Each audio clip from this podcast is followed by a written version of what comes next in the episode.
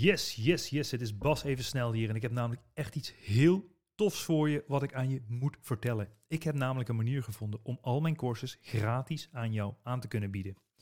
Ik heb meer dan 54 miljoen euro omzet gedaan in de e-commerce. Dus van wie leer je nou liever? Een guru die een auto huurt in Dubai of iemand die meer dan 10 jaar winstgevend is in de e-commerce? Als je liever niet van de guru leert en bewijs wilt zien van de 54 miljoen euro omzet, schrijf je dan gratis in voor al mijn trainingen op basdeeltuit.nl. Ik heb hier niks te verkopen. Je krijgt gratis toegang tot mijn unieke dwarsmethode. Al mijn e-commerce courses, gratis 1 op 1 coaching en een gratis ticket voor het e-commerce kickstart event waar ik jou alles van A tot Z ga uitleggen hoe jij een succesvolle e-commerce business kan gaan opzetten. Alles is letterlijk gratis. Er zitten er hier geen addertjes onder het gras. Dit wordt namelijk mogelijk gemaakt door een subsidie die jij ook geheel gratis en kosteloos kan aanvragen. Je hoeft zelf niks voor te schieten en normaal kost dit pakket 2000 euro. Schrijf je snel in op basdeeltuit.nl om gratis toegang te krijgen tot dit hele spektakel. Ik zeg veel plezier met het luisteren van deze podcast en tot snel. Ciao, ciao. Dames en heren, vandaag in de Ondernemen op Zippers podcast, de one and only Remy Kremers. Remy was als, werd als kleine jongen veel gepest en wilde er graag bij horen, maar inmiddels noemt hij zichzelf Super Remy en heeft hij een floriserende business. Um, hij is een ontzettende Apple fanboy. Hij heeft onder andere een hotel voorzien van iPads voor de gasten waar je de verwarming, licht en zonnewering mee kan bedienen, maar ook gewoon video's op kan kijken. Dit wordt een ontzettende nerdy podcast. Welkom Remy. Dankjewel. Shit opzij en voelt je vogelvrij. Je runt je business op je Kun je hem al meezingen? Nee.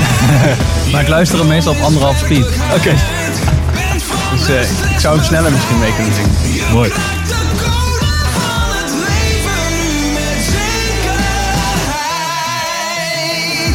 Ja, tof man. Eh, ja, we hadden net al een beetje het boel voorbesproken. Het ging al meteen over allemaal nerdy stuff. En eh, Apple en Tesla en eh, ruimte en allemaal dat soort dingen. Dus het wordt Yep. een heel mooi gesprek dit. Ja, ik ben benieuwd. Dus, maar super tof man. Hey, ehm, eh, Remy, waar, ben- waar ben je een beetje opgegroeid? En ehm, eh, ja, hoe, hoe zag dat een beetje uit? Nee, nee, mijn eerste vraag altijd. Die moet ik natuurlijk niet overslaan. Ik, ik, ik, was, ik was toen ik deze studio had gemaakt, heb ik die vraag blijkbaar twee podcasts overgeslagen. Ik kreeg letterlijk berichten van, van mensen van, hey Bas, eh, waarom vraag je die vraag niet meer? Hoe En die durf je? En die vraag is natuurlijk, eh, wat zou je doen als je nog drie maanden te leven hebt? Eh, ja, ik moet toegeven dat ik daar van tevoren wel even over na heb gedacht. Maar ik denk dat het eigenlijk best wel simpel is. En dat is genieten van de kleine dingetjes. Want je kan, denk ik, grote plannen maken en nog even in die drie maanden de wereld bereizen. Maar ehm, ja, als je geniet van de kleine dingetjes, dus even een, een leuk, leuk gesprekje met mijn dochter van vijf. Eh, of ehm, eh, lekker op de bank zitten met mijn vrouw. Of eh, even een potje, een spelletje doen aan tafel. Ik denk dat dat uiteindelijk de dingen zijn die echt voor mij in ieder geval heel belangrijk zijn. En de uitspraak geniet van de kleine dingetjes heeft voor mij een dubbele waarde. Omdat zes jaar geleden is mijn broertje overleden. Oh. Mark Tilburgs. En dit is een van de laatste dingen, in ieder geval toen ze hem vroegen en hij wist dus dat hij dood zou gaan. En eh, dus ja, dan heeft deze vraag ook even een andere betekenis. Eh, dus hij, hij had op een gegeven moment dat bericht van je hebt nog maar eh x aantal maanden te, leven.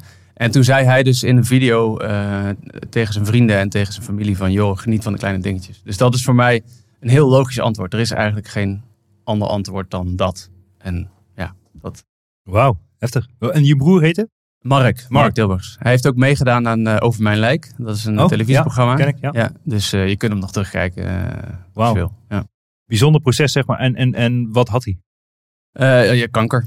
Ja, Dus eh, ja. eh, het is gewoon pech hebben dit. ja, ja, dus je, eh, op zo'n moment eh, realiseer je hoe fragiel je eigenlijk bent. En ehm, ja, je, je gaat wel echt anders in, anders in het leven staan, denk ik. Als je, als je dit van dichtbij meemaakt. Eh, en ik weet ook wel, dat ik ben geen uniek geval. Er zijn heel veel mensen die eh, familie of vrienden zijn kwijtgeraakt eh, aan deze ziekte. Maar ja, ja, dus wat zou ik doen als ik nog drie maanden te leven had? Genieten van de kleine dingetjes. Ja. Ja, goed, ik, ik, ik stelde meestal vragen, de, de vraag van ja, dat impliceert dat je nu niet geniet van de kleine dingetjes. Maar dat is denk ik niet zo, of hoe moet ik het zien? Nee, nee, nee, nee, nee tuurlijk. Eh, ik probeer, eh, ik denk dat, eh, ik ben ondernemer. En als je begint als ondernemer, dan heb je die illusie dat je dan heel veel vrijheid hebt. Maar dan begin je eenmaal en dan verzand je in klanten die heel veel van je willen. Of business die gewoon veel aandacht en tijd vraagt. En ik ben daar natuurlijk zelf ook al meerdere keren en ook regelmatig nog steeds eh, ingetuimd, eh, in- ingevallen. Dat je dus eh, gewoon veel uren maakt. Eh, maar ik probeer wel erop te letten dat ik een balans heb en dat ik dus tijd en aandacht heb voor mijn gezin eh, en voor vrienden. Want ja, dat is super waardevol. En als je zeg maar. ehm, eh, Stel dat, stel dat ja, ik, ik wil het niet te veel over de dood hebben. Maar Nee, ja, ik Maar vind het is- een heel interessant onderwerp. ja, denk ik, voor heel ik veel denk ook dat de dood een, een heel belangrijk onderdeel is. Ik bedoel, het maakt, eh, het maakt eh, plaats voor, voor vernieuwing. Want eh, als, jij, eh, eh, als jij er niet meer bent, dan komt er een nieuwe generatie. En die draagt niet de ervaringen van jou mee. Dus die gaan weer met een frisse kijk eh, naar de wereld kijken. En op hun eigen manier met, eh, met de toekomst om. En ik denk dat dat alleen maar goed is. Ehm, maar ehm, waar wilde ik naartoe? Je wilt het over de dood hebben. Ja, ehm, ja, nee, ik ben het even kwijt. Oké, dat maakt niet uit. Nou ja, het lijkt me super heftig om, om, eh, nou ja, om je toch, je, eh, want jullie waren een gezin van, had je meerdere, heb je nog meer broers? Ja, we waren, we waren een samengesteld gezin. Dus mijn moeder is getrouwd met, eh, met Frits. En eh, die, wij waren met, met vier kinderen thuis. Eh, Ja. ja. Ja, ja, precies. Ja, ja, nee, maar goed, en dat, als er dan één wegvalt, is natuurlijk eh, ja, mega heftig. En, ehm, en dat heeft, heeft dat daarna dus een groot deel van je leven beïnvloed dat je denkt, oké, eh, dit is dus uiteindelijk de uitkomst van het leven, dat is de dood, laten we het zo even noemen. Ja. Ja, en heb je daarna zoiets gehad van, ja, oké, eh, ja, wat heb je veranderd in je leven nadat dat was gebeurd? Eh, nou ja, ik probeer zeg maar te denken van als Mark er nog zou zijn, zou hij, dit, zou hij dan trots zijn op hetgene wat ik nu doe of niet? Dus, ehm, en eh, als hij er trots op zou zijn, en, en ik denk dat trots zijn op, op dingen niet eh, kan worden uitgedrukt in, in bijvoorbeeld geld of in, in, in, in, eh, in, in hoeveelheden. Maar ehm, ja, het komt dus eigenlijk, denk ik, neer op, op een bepaalde ehm, een vorm van liefde. Dus, je, dus hoe, en ik weet, je hebt laatst Thijs Lindhout eh, geïnterviewd en daar kwam het toen volgens mij ook een beetje op neer. Ja. Die tijd die ik nu met mijn dochter heb van vijf, die, komt, die heb ik maar één keer. En dat besef, dat komt duidelijker in beeld op het moment dat je iemand van dichtbij hebt verloren, denk Mm. ik. En dan ga ik dus, eh, dan, en dat is de reden waarom ik eh, een, een hele duidelijke balans heb tussen werk en privé. En als ik dus niet aan het werk ben, dan ben ik niet aan het werk. Mm. En dat zorgt ervoor dat ik echt volle aandacht kan geven aan mijn gezin. En dat is voor mij eh, extra belangrijk geworden Ja. na deze gebeurtenis. Ja. Dus ik denk dat ik daar, dat dat misschien een belangrijke verandering is, waar ik eerder niet zo bij stilstond. Ja. Nee, ja, inderdaad. Ik snap het. Thijs Lindhout is een goede vriend van mij. En, en die heeft een dikke maand geleden ook zijn moeder plotseling verloren. Die eh, midden in de nacht is overleden. Dus ehm, eh, ja, hij had het wel ja, begrafenis, begrafenistechnisch slim aangepakt. Want eh, uiteindelijk was het buiten en waren er aardig wat mensen. Ja. die coronamaatregelen. Maar inderdaad, dat is dan ook gewoon een groot besefmoment. En dat het uiteindelijk ook draait van, eh, over zelfliefde en, en hoe je connectie voelt met jezelf. En, Ja. eh, eh, ik zeg ook zelf altijd, mijn uitspraak is tijd is leven. En dat is ook wat jij eigenlijk hier vertelt. Van oké, de minuut of de seconde die we nu hebben, zeg maar, die Ja. is geweest. Die Ja. is nu, elk, elke tel, zeg maar, telt. Ja. Dus eigenlijk moet je, is het elke minuut bel je 112 en elke seconde telt. Want Ja. je weet niet of de seconde nog, die komt nooit meer terug, zeg maar. Nou ja, kijk, als, als nerd zijn heb ik wel eens zitten bedenken van hoe zit een dag in elkaar? Ja. Want je hebt elke dag één dag, Ja. toch? Ja. Eh, dus je slaapt acht uur. Eh, en dan heb je nog 16 uur over. Van die 16 uur, de meeste mensen althans, die werken dus 8 uur. Maar ja, je hebt ook travel time, want je moet naar je werk toe. En ze gaat er vaak nog een uurtje of soms nog meer vanaf. Eh dan heb je nog 7 uur over. Nou, dan moet je nog eten. Nou, dat gaat er nog 2 uur vanaf. heb je 5 uur over. Dan wil je nog even s'avonds op de bank hangen. Nou, dat is ook nog 2 uur. Dan heb je 3 uur over. Dus eigenlijk is je dagwinst, als we het even als ondernemer bekijken, Mhm. 3 uur. Dus Mhm. je hebt 3 uur per dag. De rest is al Voor jezelf bedoel je. ja, Ja. ja. of, Ja, ja. of voor je gezin. Of. Voor. Je, je kan die drie uur besteden hoe je wil. Ja, dan wil je nog twee uur seks hebben, heb je nog maar een uurtje over. Ja, precies. Ja, Ja, nee, maar eh, eh, eh, dat besef, in ieder geval voor mij is dat eh, een, een belangrijk eh, iets waar ik echt bij stilsta. Ik wil bijvoorbeeld, ik ben een beetje allergisch voor social media, want dat is een aandachtsvreter. Als je social media eh, gebruikt, dat wil zoveel mogelijk tijd van jou hebben. Dus als je, als je op LinkedIn of op ja, vooral Facebook en Instagram zit, of YouTube, dat blijft maar aandacht vragen. En als, zolang als dat nuttige informatie is, of informatie is waar je blij van wordt en vrolijk van wordt, ja, dan is het goed. Maar als je eindeloos aan het scrollen bent op, een, op een social media platform, dan ben je dus die drie, paar, die drie schaarse uurtjes per dag die je dan over hebt, daaraan aan het, aan het wasten. En ehm, ja, ik denk dat, dus jij zegt elke seconde telt. En Ja. ik re- bereken dat eigenlijk per dag. Je, je winst per dag is ongeveer drie uurtjes. En, Ja. en daar moet je iets leuks van maken. Eh, en, ja, en, en genieten en leuke dingen doen. Ja, nou ja, dit is, ik heb het er vaker over. Dit is een groot dilemma wat mij betreft. Weet je, dit is de, daarom, eh, de, de social dilemma heb je misschien ook gezien op Netflix. Maar het is, een, het is een mega groot dilemma. Want echt ook, zeker bijvoorbeeld zo'n platform als TikTok, zeg maar, is letterlijk eigenlijk Ja. gewoon vergif. Weet je, ik bedoel, Ja. het, het gaat helemaal nergens over. Het is puur vermaak, entertainment. En mensen willen entertained worden. Laat dat, laat dat voorop staan. Ja. Maar als je ziet hoe die algoritmes zo slim in elkaar zitten, Ja. dat het enige is dat ze willen, is je er naar binnen zuigen en dat je er nooit meer vanaf komt, zeg maar. En dat Ja. is letterlijk, je kan het zien als een verslaving.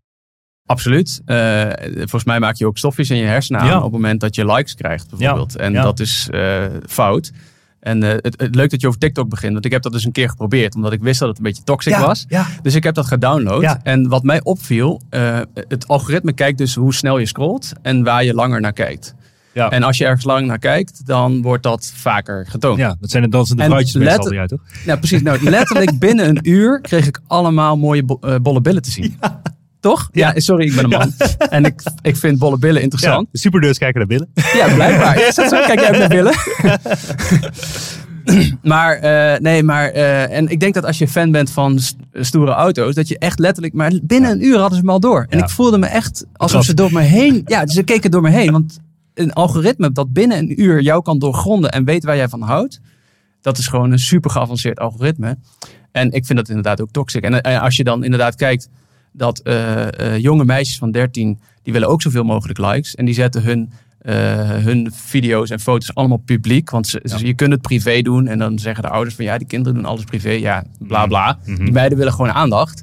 Dus ze zetten het op openbaar. En dan kijken er allemaal vieze mannetjes naar hun kinderen. Ja, Ja. sorry hoor, maar als jouw dochter zich staat om te kleden in de woonkamer, dan doe je ook de gordijnen dicht. Ja. Eh, en met TikTok zijn er geen gordijnen. Iedereen die wil kan kijken. Ja. En er is volgens mij niemand die zijn TikTok-profiel aan het doorkijken is van... hey, staat alles wel wat privé moet zijn Ja. op privé? Ja. En dat geldt ook voor Facebook en, eh, en andere social media platforms. Nou ja, de, het, het, het schokkende is, en dat heb ik vaak gezegd in een andere podcast, ook dat, dat de zelfmoordratie onder jongeren dus is toegenomen met, de, met, de, met dezelfde groei als social media, zeg maar. En dat is echt ja, schrikbarend, want je, je, je bedoel, dan heb je dat jonge meisje van 13 die dan allemaal rare reacties krijgt en eh, wat ben je lelijk of whatever, weet je. En ze gaan, dat, dat gaan ze helemaal van binnen aantrekken. Ja. En ze willen alleen maar, weet je, niks is wat het lijkt. En op social media al helemaal niet. Want iedereen, ja, er zijn weinig mensen, zeg maar, die huilende video's plaatsen op social media. Ja. Eh, die zijn er wel, maar goed, die zijn schaars. Maar dus, dus, dus, in die zin wil ik zeggen, de wereld is gewoon relatief nep. Je krijgt, ja, je krijgt een heel vertekend beeld. Want je krijgt de, de mooiste momenten van andermans levens. Ja. Maar als je dat constant in die drie uurtjes die je dan per dag hebt...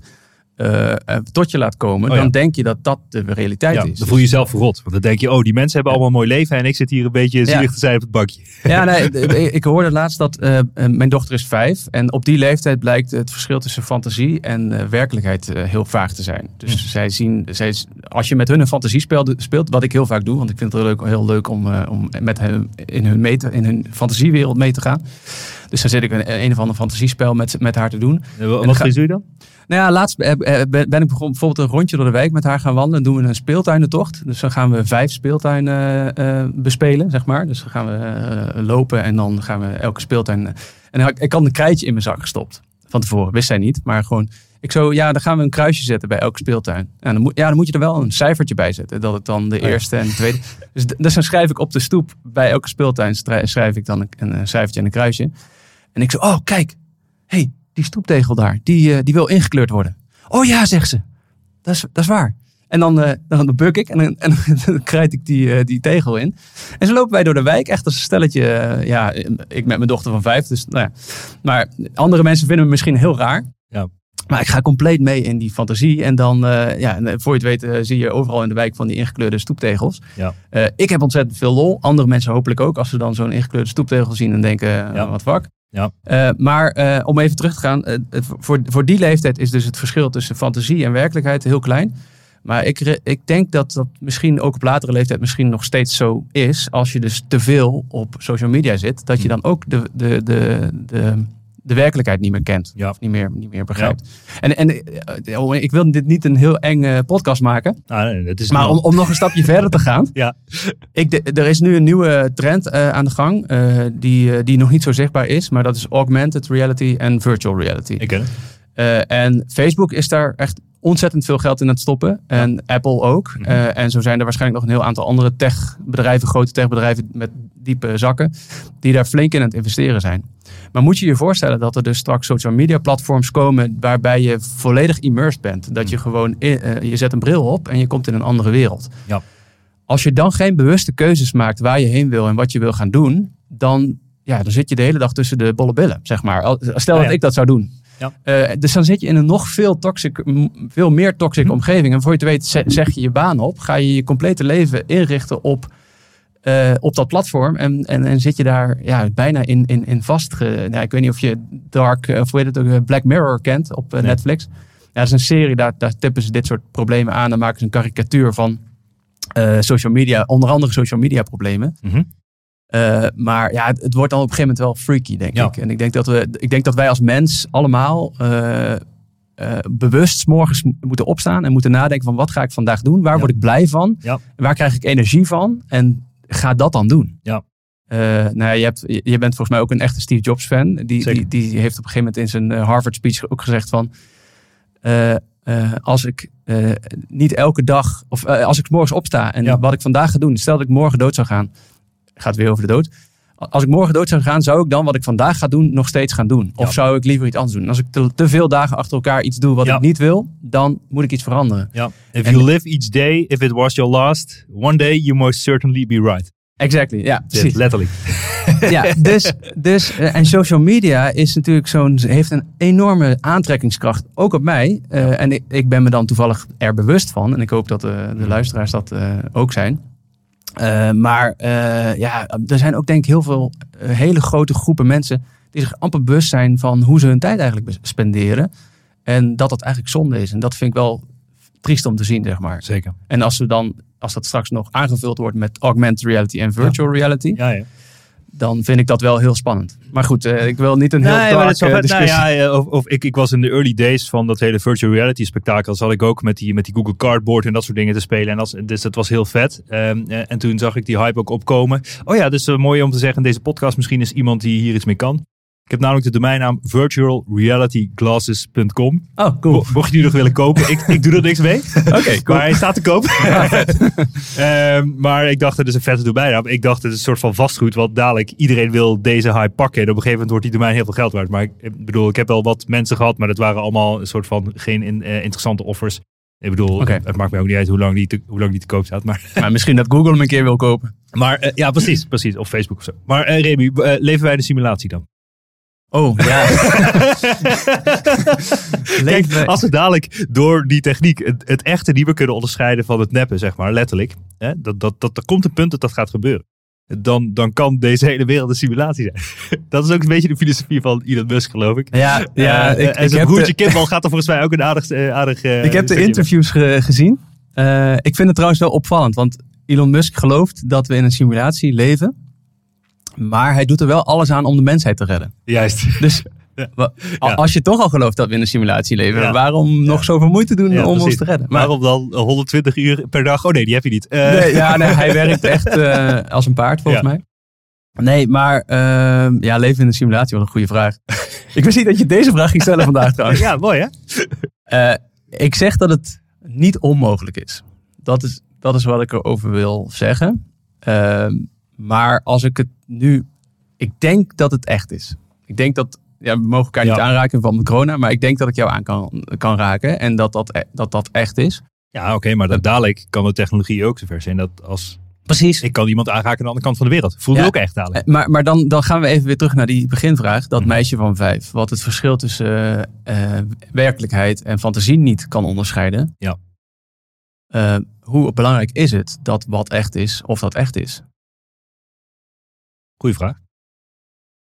is misschien Ja. wel cares? belangrijk. Precies. ja. Ja, want je wil, je wil een leuk leven hebben. Ja. En of het nou eh, niet bestaat, of een fantasie is, Ja. of niet. Ja. ehm, je wil nog steeds ook in die fantasiewereld een leuk leven hebben.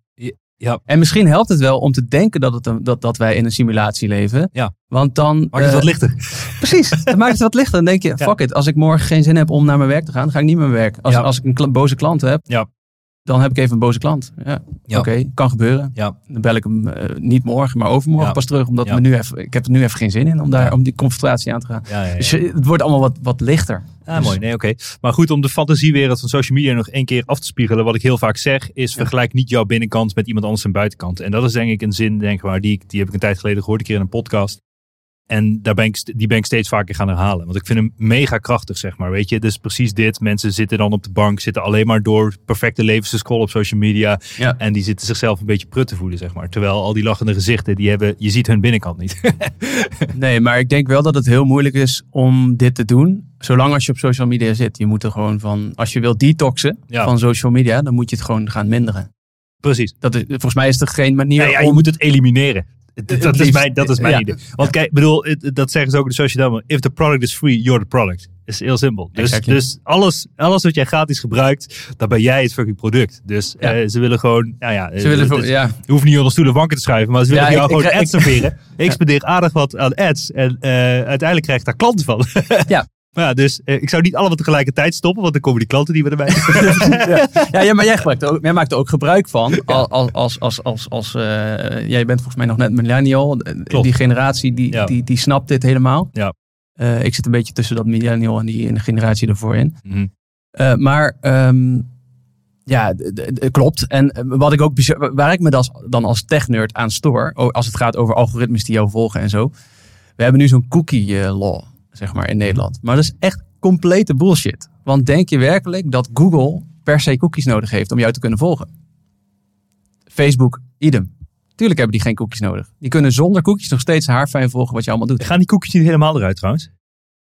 Eh, nou ja, cookies zijn op dit moment nodig bijvoorbeeld om je winkelmandje te vullen. Dus als je, Oh ja. als je een winkelmandje vult bij eh, welke web, web eh, store dan ook, Ja. dan wordt dat in een cookie opgeslagen. En als je dan tien minuten later terugkomt op die website, dan is het wel zo fijn, ook voor jou als gebruiker, om die, Ja. die, die, die dingen nog steeds terug te kunnen zien. Dus, en het wordt ook voor een aantal andere nuttige dingen gebruikt. Maar het wordt ook gebruikt om jou te volgen.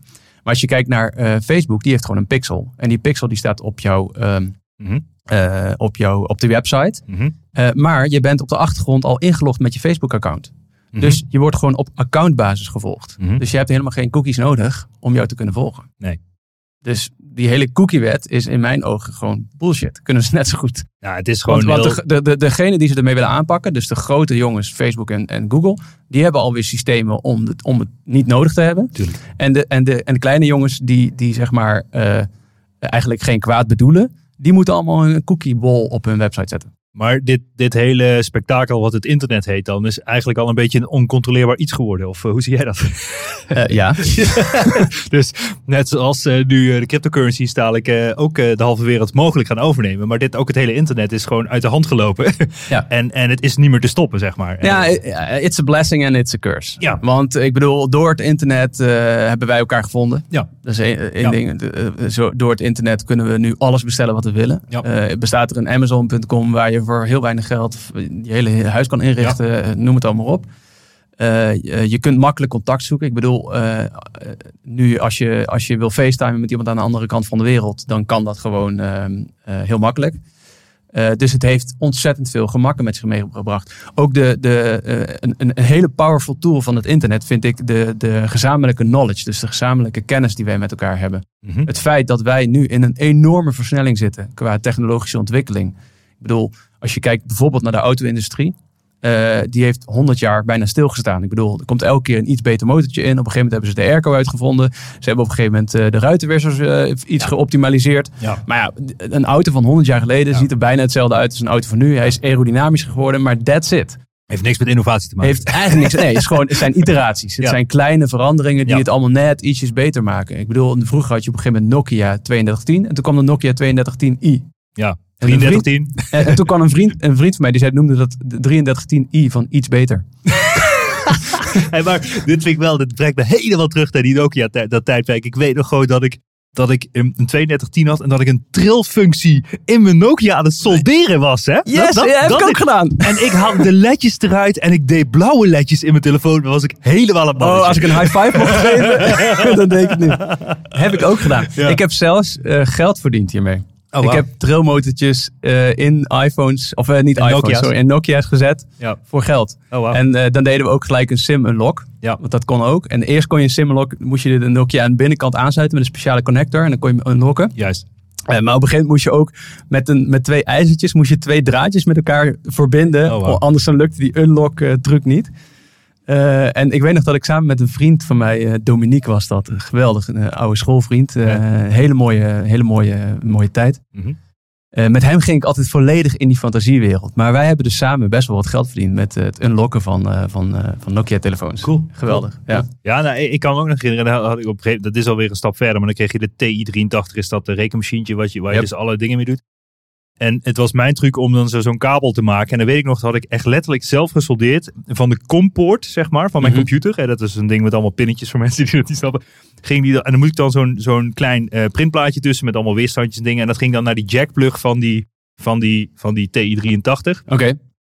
En eh, ik, ik was, eh, bedoel, ik heb ongeveer alles gedaan door te spieken en gewoon heel veel dingen af te kijken. Ja. Ja, dus en ik moest dus mijn hele rekenmachientje moest ik vol typen, zeg maar, met spiekbriefjes tussen haakjes. Ja. Dus ik tikte alles uit en eh, ja, we hadden ook vaak gewoon al de proefwerken van, eh, van, de, van de dingen die we al- En dan tikten we alles uit in dat ding. En dan kon je dat gewoon in één keer uploaden. Want ik bedoel, als je dat met de hand erin gaat tikken op dat ding, ja, dan ben je natuurlijk eindeloos bezig. Maar je kan het gewoon veel sneller woep, uploaden. Dus je doet dan- gewoon cheatcodes in, je, in het echte leven. Ja, eigenlijk wel. Dat is wel vet. Ja, nou ja, en een andere spiektechniek die ik had, was zeg maar dat ik met een, eh, met een pen die helemaal op was, hè, dus er zat geen inkt meer in. Ehm, dat deed ik op een, op een eh, karton, deed ik dan een beetje harder drukken en deed ik dat hele vel vol schrijven. En zo heb ik dus gewoon, ik heb nooit Engels woordjes geleerd. Ik heb eigenlijk pas Engels geleerd toen ik ben gaan reizen. Maar dat deed ik van alfabetische volgorde, van Engels naar Nederlands en Nederlands naar Engels, deed ik al die woordjes op een wit vel tussen haakjes schrijven. En als je met een bepaalde hoek, zeg maar, op dat vel keek, Oh, dan, kon je het lezen. Ja. Terwijl als jij eh, twee meter van mij vandaan zit, denk je, oh, die Bas heeft een wit vel. Weet je, deed je altijd een soort van, ja, hoe noem je dat, oefenblaadje. Denk je, hoe schrijf je dat nou? eh, hello, weet je. Ik bedoel, dat deed ik dat oefenen. Af en toe schreef ik er eens wat op. Ja. En- maar ik keek gewoon, dat, dat was de methode. En soms schreef ik meerdere vellen vol. Zou ik gewoon Ja. drie blaadjes op het ding. En zo heb ik eigenlijk bijna alles gehaald. dus eh, het werkt nog steeds, denk ik. Ja, Eh, ja. Dat is een top methode. Maar, maar, maar even terug naar dat, naar die, naar die, naar dat internet. Eh, als je zeg maar kijkt naar die ehm, eh, technologische ontwikkeling door het internet, eh, kunnen wij dus in- eh, kennis met elkaar veel makkelijker delen. Ja. Dus die versnelling waar wij nu in zitten qua technologische ontwikkeling, Mhm. dat komt door het internet. Mhm. Want zonder internet kon je niet zo snel. eh, even stel dat eh, eh, Elon Musk die wil de nieuwste batterijen gaan uitvinden. Mhm. Maar op internet staan er ontzettend veel papers over technieken als het gaat om kobalt en Ja. over, nou, noem het allemaal op. Je kunt op elk, elk onderwerp kun je je compleet verdiepen. En natuurlijk is er ergens, als je op een bepaald expertniveau zit, een beperking en dan vind je niks meer. En dan zul je het zelf moeten, het wiel moeten uitvinden.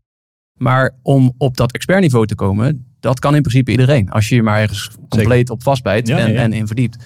Ehm, en eh, eigenlijk is dat hele cheaten wat jij eh, deed op school, dat kan nu ieder- iedereen. En, en, het, en het is nog legaal ook. Het is, helemaal niet, eh, het is helemaal niet fout om op internet dingen op te zoeken Nee. en ergens goed in te worden. En ik, ja, ik, ik heb ook voor mezelf op een gegeven moment bedacht van get good at the hard stuff. Is een soort van idee wat in mijn hoofd zit. Dus als je goed bent in iets ingewikkelds, wat andere mensen niet kunnen, dan ben je iets waard. En dat is eh, een, een slimme manier, denk ik, überhaupt om, eh, om waarde toe te voegen. En uiteindelijk daar een businessmodel uit te kunnen, kunnen slaan. Mooi. Ja. Mooi gezegd. Dus dit, dit is een beetje hoe jij de, de super Remy bent geworden dan. Eh, ja, ja, ik denk het wel. Ik, eh, ja, toen ik zeg maar Super Remy startte. Want leg even uit wat Oh. de Super Remy überhaupt is. We hebben ze zo mooi. Dit is jouw eh, Super Remy. eh, ja, wat is Logo. het? Logo. Ja. Ja, voor de mensen die het zien. Maar goed, als je het hoort, dan zie je het niet. Maar goed, het is een soort van Superman-achtig ding. Maar waar, waar komt die Super Remy vandaan dan? Nou ja, ik werkte bij een Apple winkel eh, als verkoper. En eh, dat beviel op zich prima. Maar op een gegeven moment was het 2008, crisis. Het ging slecht met de, met de verkopen. En toen zei mijn baas tegen me van ja, je mag wel eh, floor manager worden. Dus ik was gewoon verkoper. Een leveltje omhoog. Maar je gaat van 32 uur naar 28 uur. En eh, je salaris gaat niet omhoog. Toen zei ik, eh, sorry. ik ga niet meer doen voor minder geld. En Ja. nou, eh, no way. Ja, zeggen, laten we het omdraaien. Of, ja, nou, en toen, toen heb ik, ik, had, ik had al heel lang gesprekken met mijn vrouw, want ik had al in mijn hoofd zitten van mensen in, die kwamen in de winkel en die zeiden van, joh, kun je thuis langskomen, want ik heb een probleem met mijn iCloud of ik heb een probleem met dit. Eh, en eh, ik dacht, ik, ik had tegen mijn vrouw gezegd, ik wil gewoon voor mezelf beginnen. Ik, ik heb eigenlijk mijn hele leven al geweten dat ik eh, ondernemer wilde worden, alleen ik wist niet wat. Ik, ik heb een, tijdje een reisorganisatie gehad, Eh, omdat ik een vriend van mij was enthousiast over reizen. Dennis Fraters, die organiseert trouwens nog steeds reizen. Dus zijn huidige bedrijf is eigenlijk een spin-off van het van ons. Maar ehm, eh, ik wilde op een gegeven moment ondernemen. En hij had een idee. Dus ik dacht, nou ja, dan ga ik met jou ondernemen. Eh, maar wij zijn uit elkaar gegroeid. Maar anyway, eh, op een gegeven moment werkte ik dus bij EMAC. En eh, wilde, ehm, wilde ik gaan ondernemen. En ik wilde mensen thuis gaan helpen. Want ik dacht, daar is markt voor. Dus ik met mijn vrouw overlegde. Ze zei zo, ja, het is wel iets voor jou. Maar moeten we dat wel doen? We hebben niet zoveel inkomsten. En zij had op zich wel een prima baan toen. En ik had een wat mindere baan, zeg maar minimumloon zo ongeveer. Eh, want ik werkte met maar 32 uur. Eh, en, eh, maar ik dacht, ja, volgens mij is het wel, is het wel een businessmodel. En toen heb ik tegen mijn baas destijds gezegd, de, de, de eigenaar, zeg maar, van alle winkels, van joh, is dit niet een businessplan waar we iets mee kunnen gaan doen? En mensen thuis helpen en dan hebben ze misschien wel 60 euro per uur voor over. Ah joh, nee, mensen hebben er helemaal geen geld voor over, dat gaan we helemaal niet doen. Oké. Maar eh, ja, als je me dan zo'n eh, zo'n kutcontract eh, aanbiedt, dan ontsla me maar. Dus toen ben ik ontslagen en kon ik in de WW. En dan ben ik eigenlijk vanuit de WW begonnen als ondernemer. En ja, echt from scratch. En ik had het geluk dat er e- één klant, die had ik vrij snel, die kwam dan ook uit de winkel. En die huurde mij meteen een hele maand lang voor, voor twee of drie dagen in. Dus in die maand mocht ik drie dagen, hele dagen bij haar langs. En ik weet nog, ik kwam thuis. Ik zo, ja, ik heb eh, gewoon acht uur mogen schrijven. En dat is eh, meer dan 500 euro. En ze betalen gewoon. What the fuck? en, en ik heb de hele dag zitten spelen met Apple eh, spulletjes. Want ze kwamen op een gegeven moment, haalden ze, oh sorry, haalden ze de, de, de oude Apple computers die kwamen uit de kelder. Dus ze hadden zo'n Bondi Bloom iMac hadden ze ineens, haalden ze tevoorschijn. oh ja. En die haalden ze uit de kelder. En die mocht ik dan, de, de foto's die daar nog op stonden, mocht ik eraf gaan halen. Eh, en ja, geweldig. Dus ik had op zich wel een leuke start. Eh, en eh, ja, toen was ik ook tevreden met een paar honderd euro per maand. Dus nou ja, dat was echt super, super vet. En zo ben ik langzaam doorgegroeid. Ehm, maar even terug naar die. Je, vroeg me wa- waar komt Super Remy vandaan? Toen ehm, gingen Ineke en ik op een gegeven moment op vakantie. Op Ineke is jouw vrouw. Ineke is mijn vrouw, ja. ja, ja. Op wintersport. En toen zaten we van, oké, we gaan het doen. Ik ga voor mezelf beginnen. Eh, ik, en ik had natuurlijk al een... eh, een, eh, een, ik was al ondernemer, want ik deed ook... ja, ik, ik dwaal weer af, maar ik, ik was cocktail shaker, dat zal ik je een andere keer vertellen. Maar ik dacht, ik ga voor mezelf beginnen. En toen zaten we namen te verzinnen. En toen zei ik van, ja, Apple-nerd aan huis. Want ik ben wel echt een Apple-nerd, zo voelde ik me ook. Jouw, Apple-nerd, daar zaten we een beetje over na te denken. En op een gegeven moment zei mijn vrouw, Super Remy. Ik zo, nee. ik ben geen superheld. kom aan, dat ga ik niet doen. Maar we hadden zo'n shortlist gemaakt van namen. En s s'morgens vroeg, eh, de volgende ochtend, eh, nadat we die, die, die brainwave hadden gedaan, toen werd ik wakker. En het eerste wat in mijn hoofd opkwam was Super Remy. Ik dacht, shit, dat is wel sticky. Dat onthoud je gewoon na één keer. Ja. En dat was voor mij de trigger. Ik dacht, ja, maar als je die naam zo makkelijk kan onthouden. Ja, het is een beetje zelfspot. van, ja, ik ben een superheld, ik kom je redden. Ja. Maar ja, als ik nu terugkijk naar alle jaren dat ik app mensen help. Ik heb echt wel mensen gered. in, in, in vervelende technische situaties. Dus ja, Over welke Super Remy eh, eh, daad ben je dan het meest eh, trots? Ja. Als, je, als we het over mensen redden hebben. Nou ja, aan het begin zei je al van het hotel. Dat, dat is voor mij wel echt een accomplishment. Want op een gegeven moment was er dus een Hotel 27 in Amsterdam. Die wilde graag iPads op alle kamers voor hun gasten. Het is een duur hotel. kost 100 euro, volgens mij 600 euro per nacht of zo om daar te, te mogen logeren. Mhm. Ehm, en die wilde op, op de kamer een iPad. En die iPad, die moest, eh, daar moesten gewoon alle, allemaal apps op staan. Dus daar moest je op kunnen Netflixen en eh, internetten en Facebooken en alles. Eh, maar je moest ook de lichten kunnen bedienen van de kamer. Nou ja, dat is allemaal op zich niet zo ingewikkeld. Maar hij moest ook na elke checkout gewiped worden. Want je wil niet dat de volgende bezoeker de porno van de vorige kan, kan zien. Juist. Of whatever dat diegene Ja. bekeken heeft. Dus hij moet na elke checkout gewiped worden. Oh, maar wacht eens even. Als je hem wiped en je hebt net al die instellingen gedaan van dat de domotica het doet. Dus de lichten en de zonwering en de verwarming en de airco. eh, dan moet je dat opnieuw instellen. Mhm. Nou hadden we uiteindelijk al bedacht van, ah, ja, als je een QR-code hebt, die kun je dan scannen. Maar ja, dan moet die gast, komt hij zijn kamer binnen, pakt hij die iPad. Ja, je moet even deze QR-code scannen. Ja, Niet no, gebruiksvriendelijk. no way, nee. Ja. Dus toen ben ik echt, echt tot het, het, diepste puntje gegaan om, te, om uit te vogelen hoe we dat kunnen doen. En nu hebben we gewoon een volledig geautomatiseerde eh, eh, systeem. Eh, Er wordt een checkout gedaan. Er gaat een API naar de iPad. De iPad wordt gewiped. En zodra dat die iPad weer opgestart wordt, heeft hij alle instellingen al. Inclusief de bediening van de domotica. Dus je start hem op. Er staat welkom in je scherm. Je gaat naar volgende, volgende, volgende. Er worden heel veel stappen ook overgeslagen. Dus normaal moet je allemaal dingen invullen als je een iPad opstart. Bijna alles wordt overgeslagen. En je kunt meteen in je kamer alles doen waar je, waar je zin in hebt. Nice. Eh, en dat is technologisch natuurlijk best wel ingewikkeld. En een heel, heel, heel groot project geweest. Daar ben ik wel echt trots op. Ja. Cool, cool, cool, cool. Oké, nice. Ja, nou, misschien zijn er wel mensen die daar geslapen hebben en denken van, oh, Ja. dus jij hebt die iPad hier. eh, Ja, ja, precies.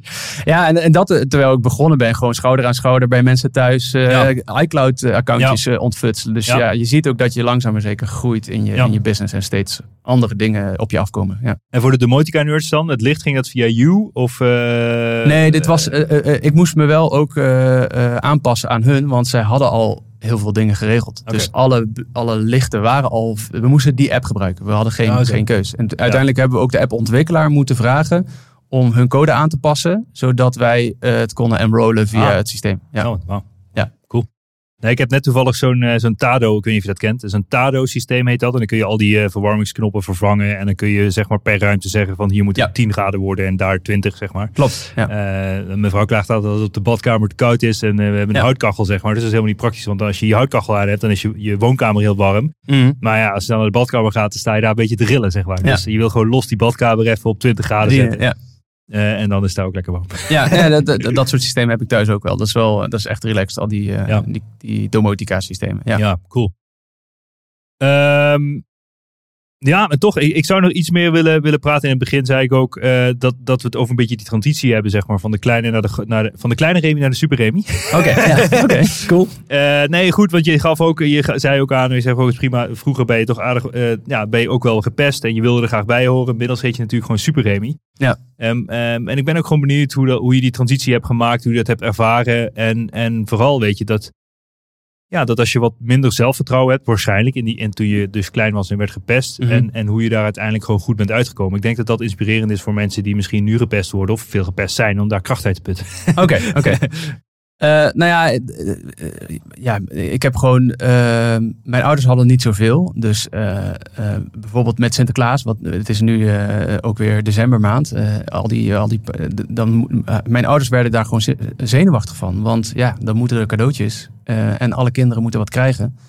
En mijn ouders die spaarden gewoon een half jaar voor, voor, voor, de, voor de pakjesavond. Ja, dat is gewoon wel, wel, wel bizar. En ehm, dus, dus, dus ik had thuis, zeg maar, hadden we niet veel. En dan zie je klasgenootjes die dan, eh, die hebben dan van de Lego, eh, van één bepaalde soort, hebben ze de hele set. Ja. Dat je denkt dan, hoe dan? dat, dat, dat snapte ik gewoon echt niet.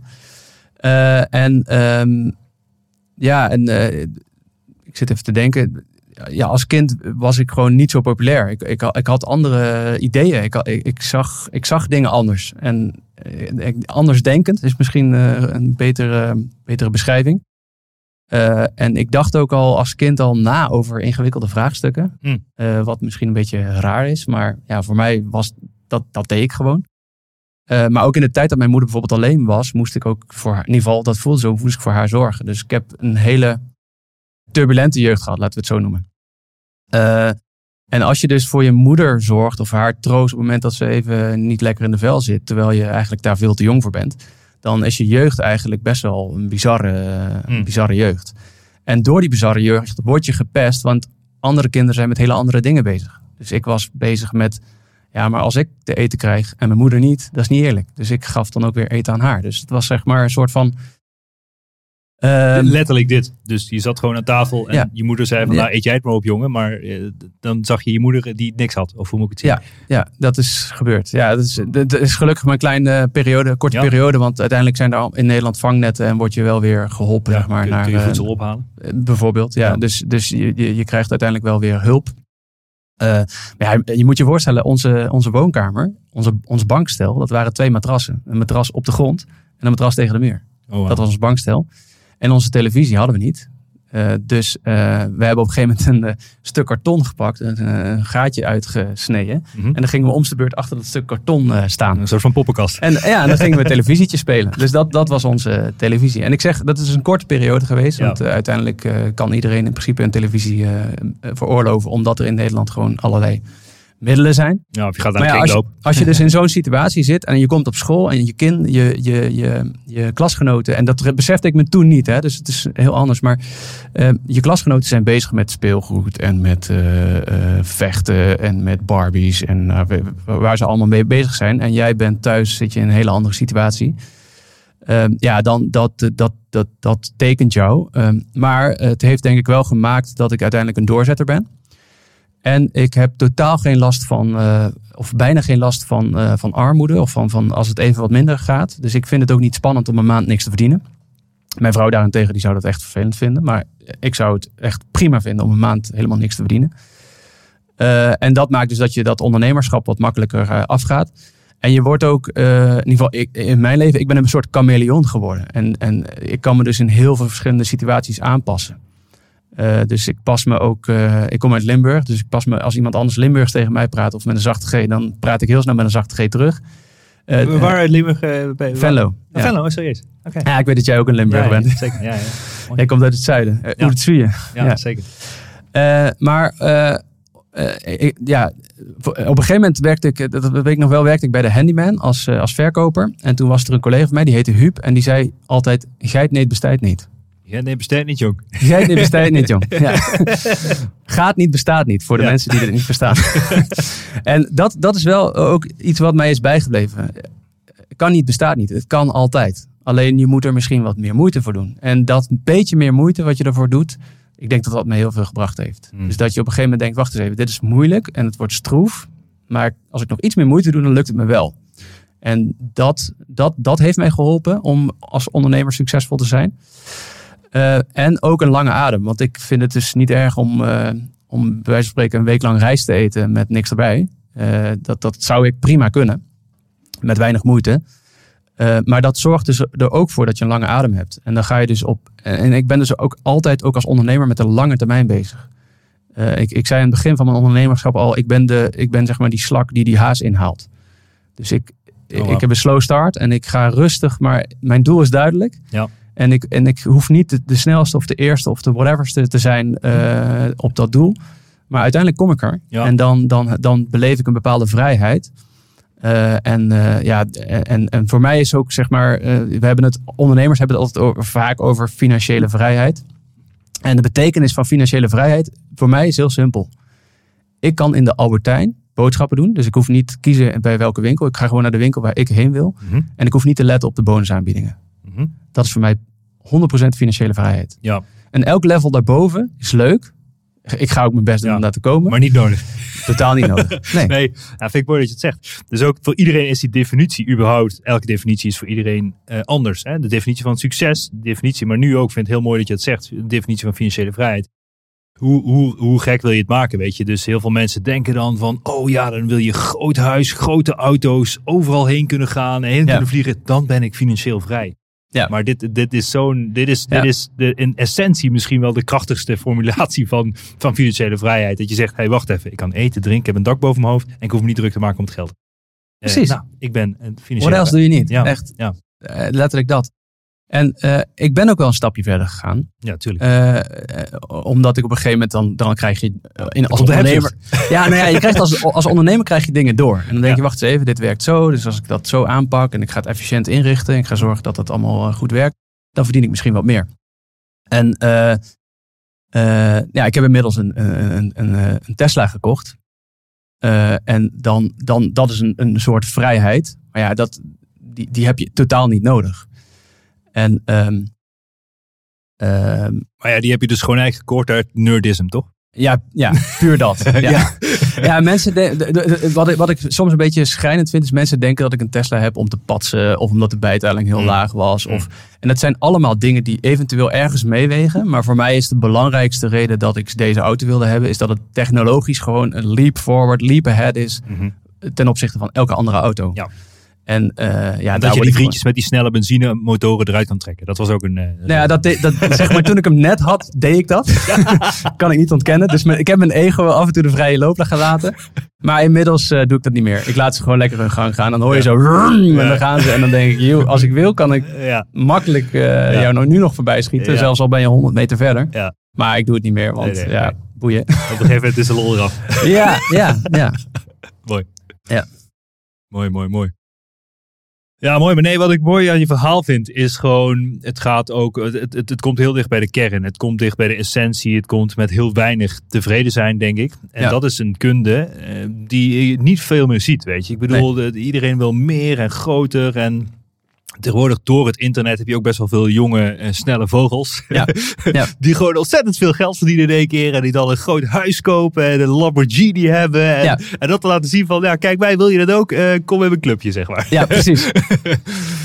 Eh, dus, dus ja, ik, het is zo belangrijk om dicht bij jezelf te blijven en te snappen waar het uiteindelijk wel echt om draait. En dus ik vind het heel Ja. mooi dat, je dat, eh, ja, dat, je dat, dat, dat jij die reis hebt gepakt en dat je dus met heel weinig eh, heel creatief mee om bent gegaan uiteindelijk. Ja, en dat, en dat maakt het ook uiteindelijk, eh, uiteindelijk leuk en een uitdaging. En als ik zeg maar, als ik, er zullen vast wel ondernemers meeluisteren die nog niet een Tesla hebben, bijvoorbeeld. Mm. Eh, maar wat, ik, wat voor mij altijd een belangrijk eh, idee is geweest, is het gaat niet om hoeveel geld je op de bank hebt staan. Maar het gaat erom hoeveel heb je elke maand. Want als je, eh, je kunt in principe heel makkelijk uitrekenen, wat zijn mijn vaste lasten? Dus ik heb een, een, een kamer of een huis en dat kost zoveel per maand.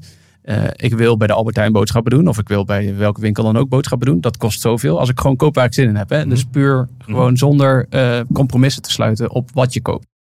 Eh, en en nou ja, je rekent dat uit en dan kom je op een bedrag uit. Dus stel dat is 1000 euro. Hoeveel wil ik dan nog vrij te besteden hebben aan, aan leuke dingen?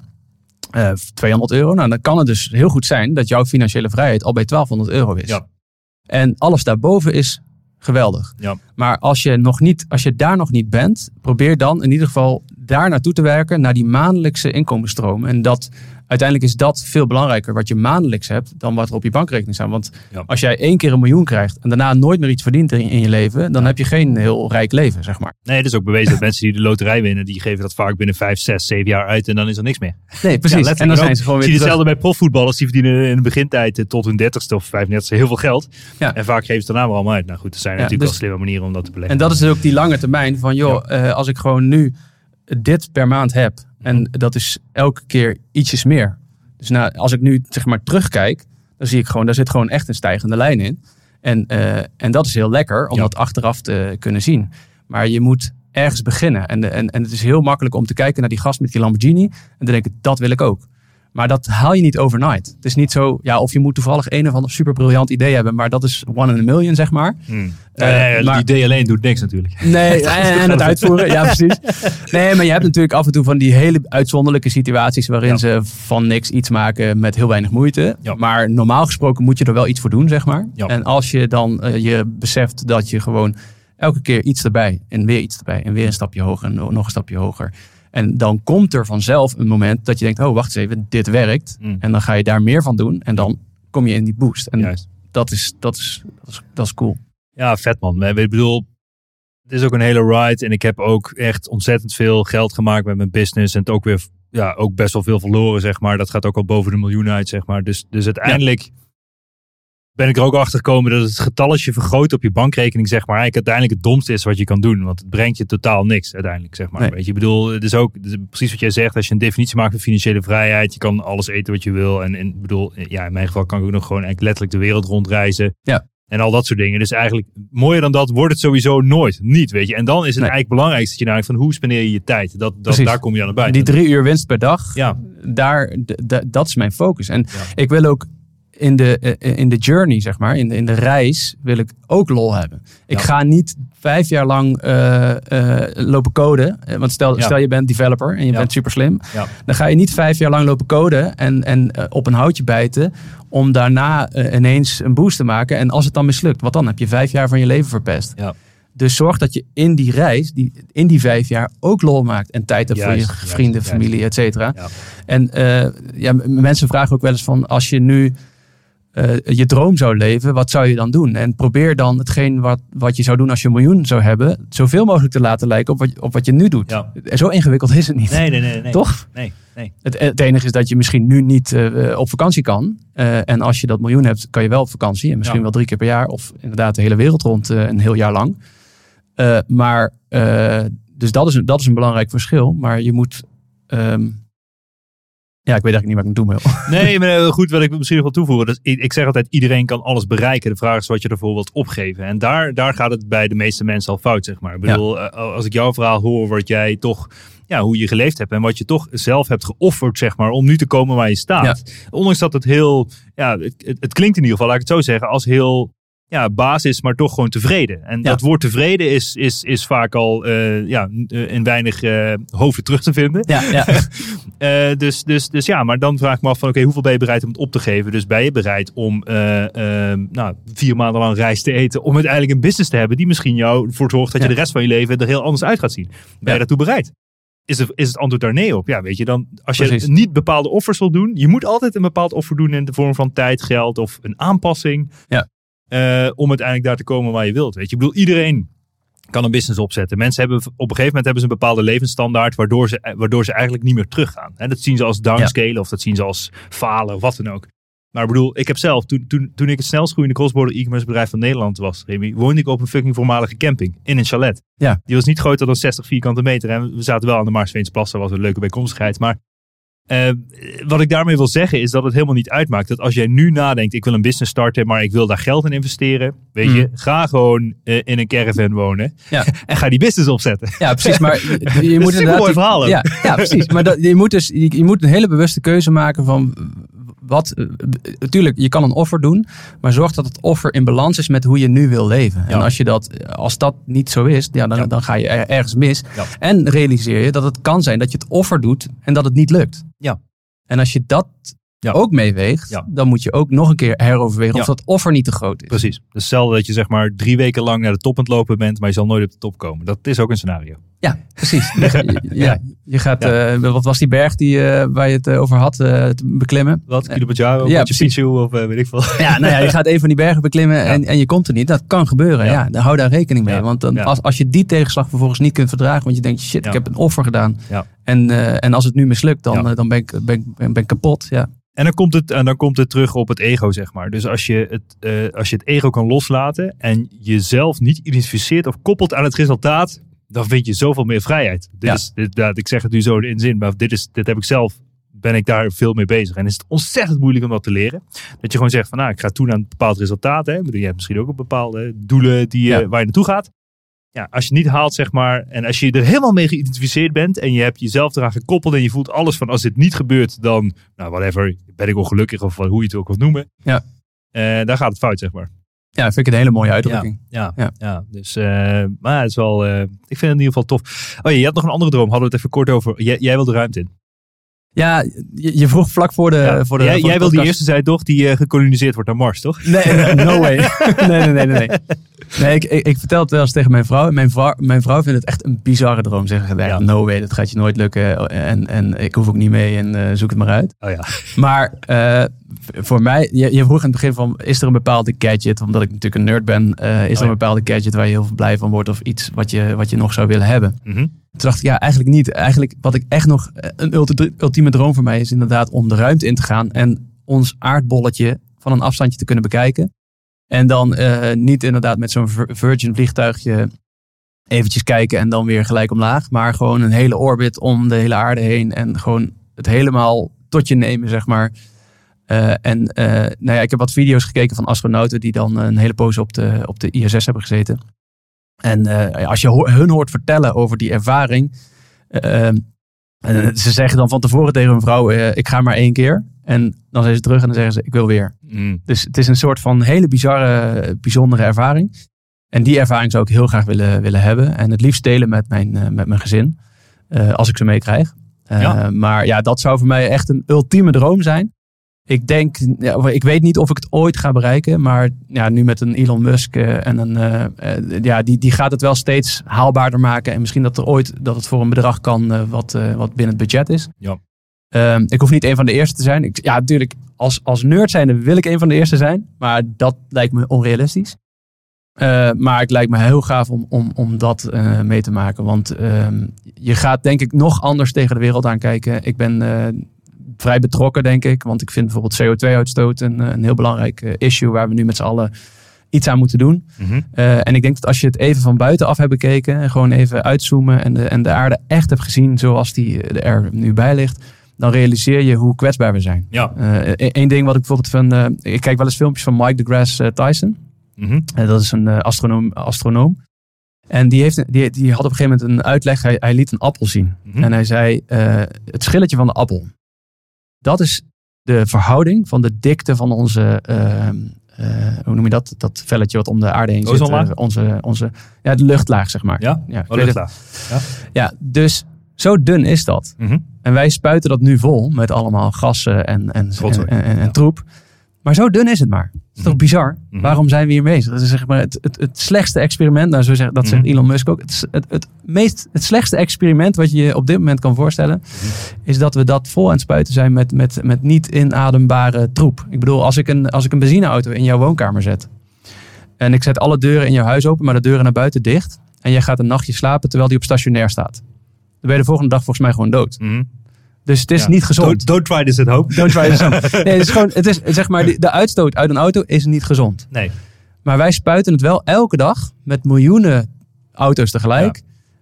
In onze, in onze, in onze Mhm. kleine dunne schilletje wat Ja. om de aarde nee, zit. En ik denk dus als je de aarde van buiten hebt gezien, dat dat besef nog wat Oh duidelijker ja, wordt. ja, nee, ik snap het. Nou goed, kijk, ik bedoel, het is natuurlijk ook ehm, evolutionair, zeg maar, gezien. Als je 300 jaar terugdenkt, zeg maar, had je deze gedachte misschien helemaal niet. Want eh, toen, toen was de, de, whatever, de, de benzinemotor was echt het grootste wonder op de wereld, zeg Ja. maar. Weet je, denkt gewoon van, oh, what the fuck, het draait, ik kan rijden. Ja. En dan denk je helemaal niet na van, wat gebeurt er nou met die lucht? En dat adem ik in. Ja, en maar dat toen was het ook nog geen probleem. Want Nee. toen waren er veel minder auto's. Ja, nee, correct. Dus, dus als, je, als je duizend auto's op de wereld Ja. zou hebben, die allemaal op, op de allerslechtste diesel zouden rijden die er maar bestaat, Ja. ja, dat maakt niks uit. De nat- kijk- natuur herstelt zichzelf wel. Het grootste probleem is natuurlijk dat de mensheid exponentieel toeneemt. Dat is eigenlijk het grootste probleem. Want je hebt meer voedsel nodig, je moet meer auto's, meer verplaatsen en al dat soort dingen. En dat zorgt Ja. uiteindelijk voor het grootste probleem. Dus daarom is het geen slecht, slechte gedachte dat je andere planeten kan koloniseren om daar een deel van de mensheid te knallen. Zeker weten, ja. ja. Ik ben ook 100% voor het koloniseren van Mars. Ja. En ik denk ook dat dat gaat gebeuren. Ja, van nou, Mars is op een andere planeet, het maakt ook niet veel uit. ja, dat is dan de eerste planeet waar we, precies. die dan binnen handbereik ligt. ja, ja, ja. Eh, want we, kunnen, we hebben de techniek, de techniek die vandaag bestaat, daarmee kunnen we al naar Mars. Ja. Dus op zich is het niet, zeg Maar maar... ja, je kan iets- ook doorrekenen. Want als je het naar Mars kan, kan je ook nog een keer diezelfde afstand nog een keer omhoog, zeg maar, vanaf Mars. Ja, maar dan is de afstand weer iets groter, zeg maar. Dus, eh, want Mars is volgens mij drie maanden vliegen. En dan Ja. de eerstvolgende planeet is echt nog weer veel verder. Oh, zo. Dus er zit dan weer heel veel leegte tussen. En, Ah, ja. en de, de planeet moet aan bepaalde eisen voldoen met warmte en kou, et Ja, cetera. water. Ja. Maar anyway, eh, ehm, ik ben wel voor koloniseren, maar ik wil zelf daar niet bij zitten. Want het lijkt me niet chill om daar... Ja, je moet je voorstellen, je komt daar op een planeet. En eh, als je daar niet aan het werk gaat om die planeet te onderhouden, et cetera... Mhm. Dan, eh, ja, dan kan je weer oppoepelen. Mhm. Dus, dus je, hebt een, je, je hebt een enorme drive nodig om, om dat te gaan doen. Ja. En je zit in, een, zeker de eerste paar mensen, die zitten in een heel klein eh, Mhm. eh, ruimte. Dus misschien wel maar 100 of, of 200 vierkante meter Ja. op een kluitje. ja, waar ze, en, en je kunt nergens heen. Je kunt niet naar buiten. Je kunt niet. Ja. Eh, Ja. En, en na, na, na, na een jaartje of 50 eh, zal het allemaal een stuk eh, relaxter zijn. En dan is er een pizzeria. En dan is er, ja, dan is alles, zeg maar. Er zijn er een aantal faciliteiten. Ja. Maar zelfs dan kun je er nog steeds niet voor de lol heen. Zeg Ja. maar de eerste mensen die voor de fun naar Mars gaan. Mhm. Ja, dat zijn of hele rijke lui die, dan, die daar dan flink voor moeten betalen. Eh, of, dat, of dat gaat echt pas over heel veel jaren eh, gebeuren. En de vraag is of wij dat nog mee gaan maken. Dat het, dat het zover is. Ja, die gedachte laat mij meer beseffen dat alles wat hier op deze planeet gebeurt, zeg maar, dat er ook ooit één was en misschien twee en whatever. Weet je, kan natuurlijk ook eh, over de evolutie van de mens kunnen we waarschijnlijk nog zes uur praten. Maar Ja. er was ooit een kleine populatie mensen. En, en, en Ja. dat begon heel primitief en weet ik hoeveel miljoen jaar geleden.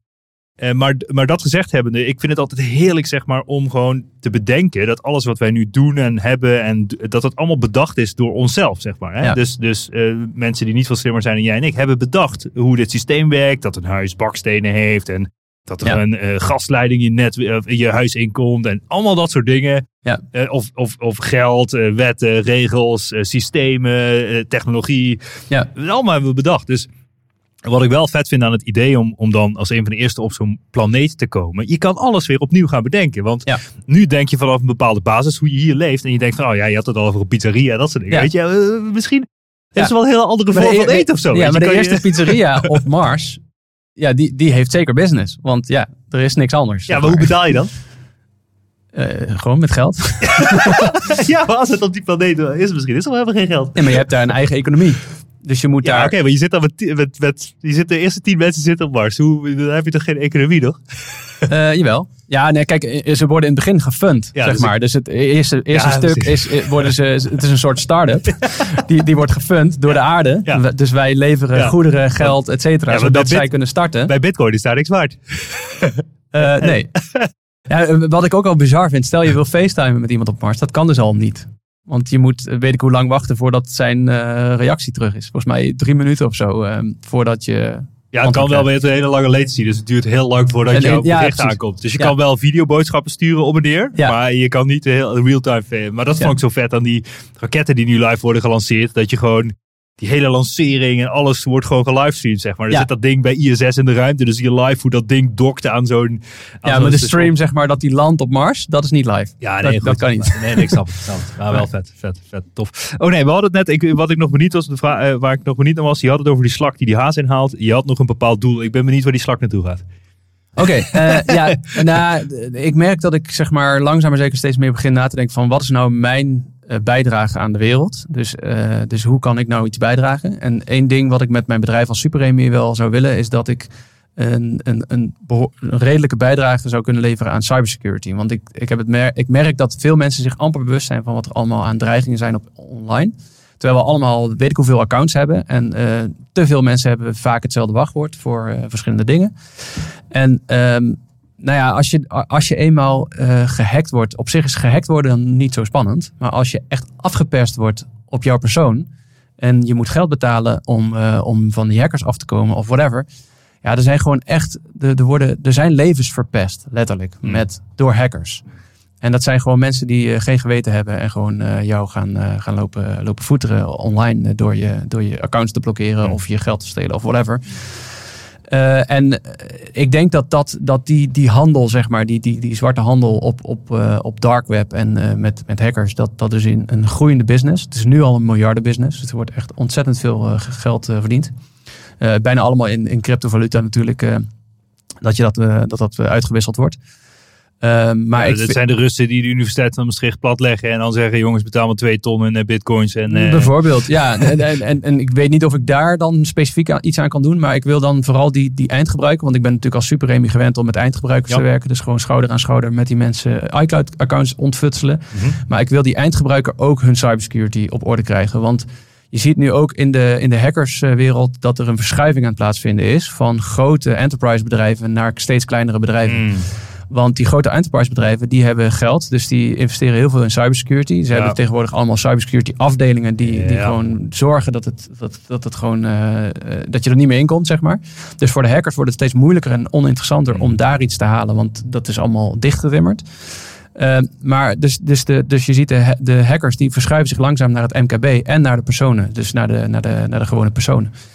En ehm, mensen vragen wel eens, ja, maar ik heb niks te verbergen. Dat hoor ik heel vaak. En dan zeg ik, ja, maar je hebt toch, je hebt toch meer dan 0 euro op je bankrekening staan? Oh, ja, kijk, als je, als je van een kale kip kun je niet plukken. Dus als je, als je rood staat en je hebt echt niks, ja, dan heb je inderdaad niks te verbergen misschien. mm. Eh, maar zelfs dan heb je misschien nog wel wat foto's die je, die je niet eh, aan iedereen wil, eh, wil delen. Eh, maar, maar als je überhaupt een bedrag op je bankrekening hebt staan, of op welke bankrekening dan ook, dan heb je dus iets wat je niet wil dat iemand van je afpakt. En wat hackers tegenwoordig allemaal proberen, of de meeste, die zijn uit op geld. Dus ze gaan jou afpersen of ze gaan het van je stelen of wat dan ook. En ik zou het dus leuk vinden om met mijn business een, eh, een, een platform te maken waar mensen kunnen leren over cybersecurity. Hm. Eh, dus ik heb nu al eh, een paar video's opgenomen. Mhm. Waarin je dus eh, wachtwoordenbeheer en, en, en cybersecurity, hoe, je dat, hoe je dat goed kunt regelen. Ehm, maar dat zou mijn next level zijn. Cool. Eh, en dat is misschien ook wel leuk voor de luisteraars. Ehm, het leek me handig als ik, of leuk als ik eh superremy.nl slash bas. Ja. eh, even opricht. En dat ze daar dan in ieder geval de cheat sheet alvast kunnen downloaden. Die cheat sheet is nog niet op de gewone website. Oké. Maar die kunnen de luisteraars van jou dan als eerste downloaden. Cool. En misschien is het dan ook leuk als we de eerste 20 eh, inschrijvingen, dus de eerste mensen die, eerste 20 mensen die die cheat sheet downloaden, dat die dan gratis toegang krijgen tot de wachtwoorden training, zeg maar. Nou ja, cool. Ja, Ja, nou, dus eh, Ja, bij, deze. Geregeld. Ja, tof. Nee, eh, goed, ik hoor je. eh, Dus eigenlijk zeg je, dat hele security verhaal ver- verplaatst zich van bedrijven die het goed op orde hebben naar... dus ik zie ook al een bepaald... je kan een geautomatiseerde bot maken waarschijnlijk die gewoon probeert in te breken op alle iCloud-accounts. Ja. Eh, lukt het, verander je het wachtwoord, zeg je nou geef maar duizend piek, krijg je wachtwoord terug. Bijvoorbeeld. Ja. Ja. of, of ze, of ze dit- stelen naaktfoto's, dat, wat al bij ja. celebrities is gebeurd. Ja, en ze delen die eerst met jou. ja ik vind het altijd raar. Waarom zou je naaktfoto's stelen als je met deepfake toch alle naaktfoto's kan maken die je wil, weet je? Ja, ik bedoel... Dan Ja, maar als het naaktfoto's- echte naaktfoto's zijn, dan zijn mensen toch vaak schrikken ze daarvan. dus als jij een foto. ja, wat is het verschil dadelijk? Nou ja, st- stel dat jij een naaktfoto van jezelf of van een gezinslid Ja, toegestuurd krijgt Ja. van een hacker. En die hacker zegt: Ik zorg dat dit tussen ons blijft als je me X betaalt. ja, ja. ja.